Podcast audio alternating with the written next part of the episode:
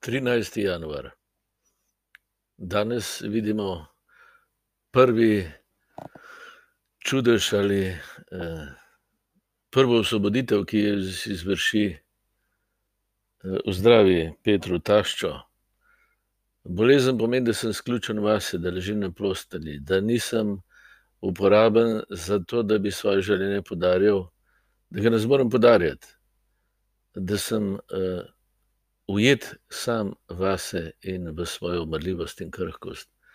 To je podoba vsakega človeka in Adama.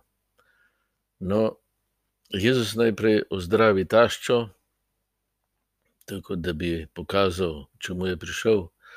Torej, pokaže, usmiljenje pokaže. To pomeni, da vzame trpljenje eh, nase. Naše trpljenje vzame nase on bo uh, vzel uh, taščino bolezen na sebe.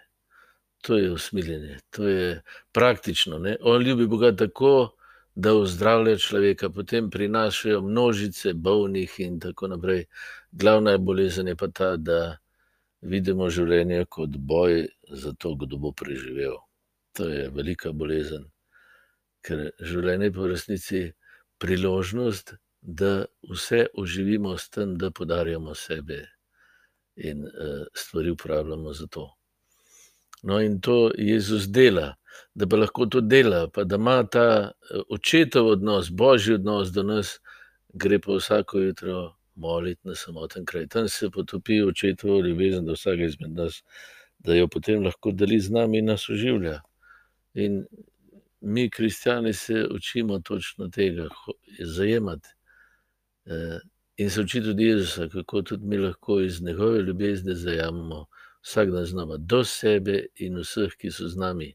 V teh okoliščinah, ki so, dokler mi čakamo, da bodo drugi idealni, sami postajamo kot hudič.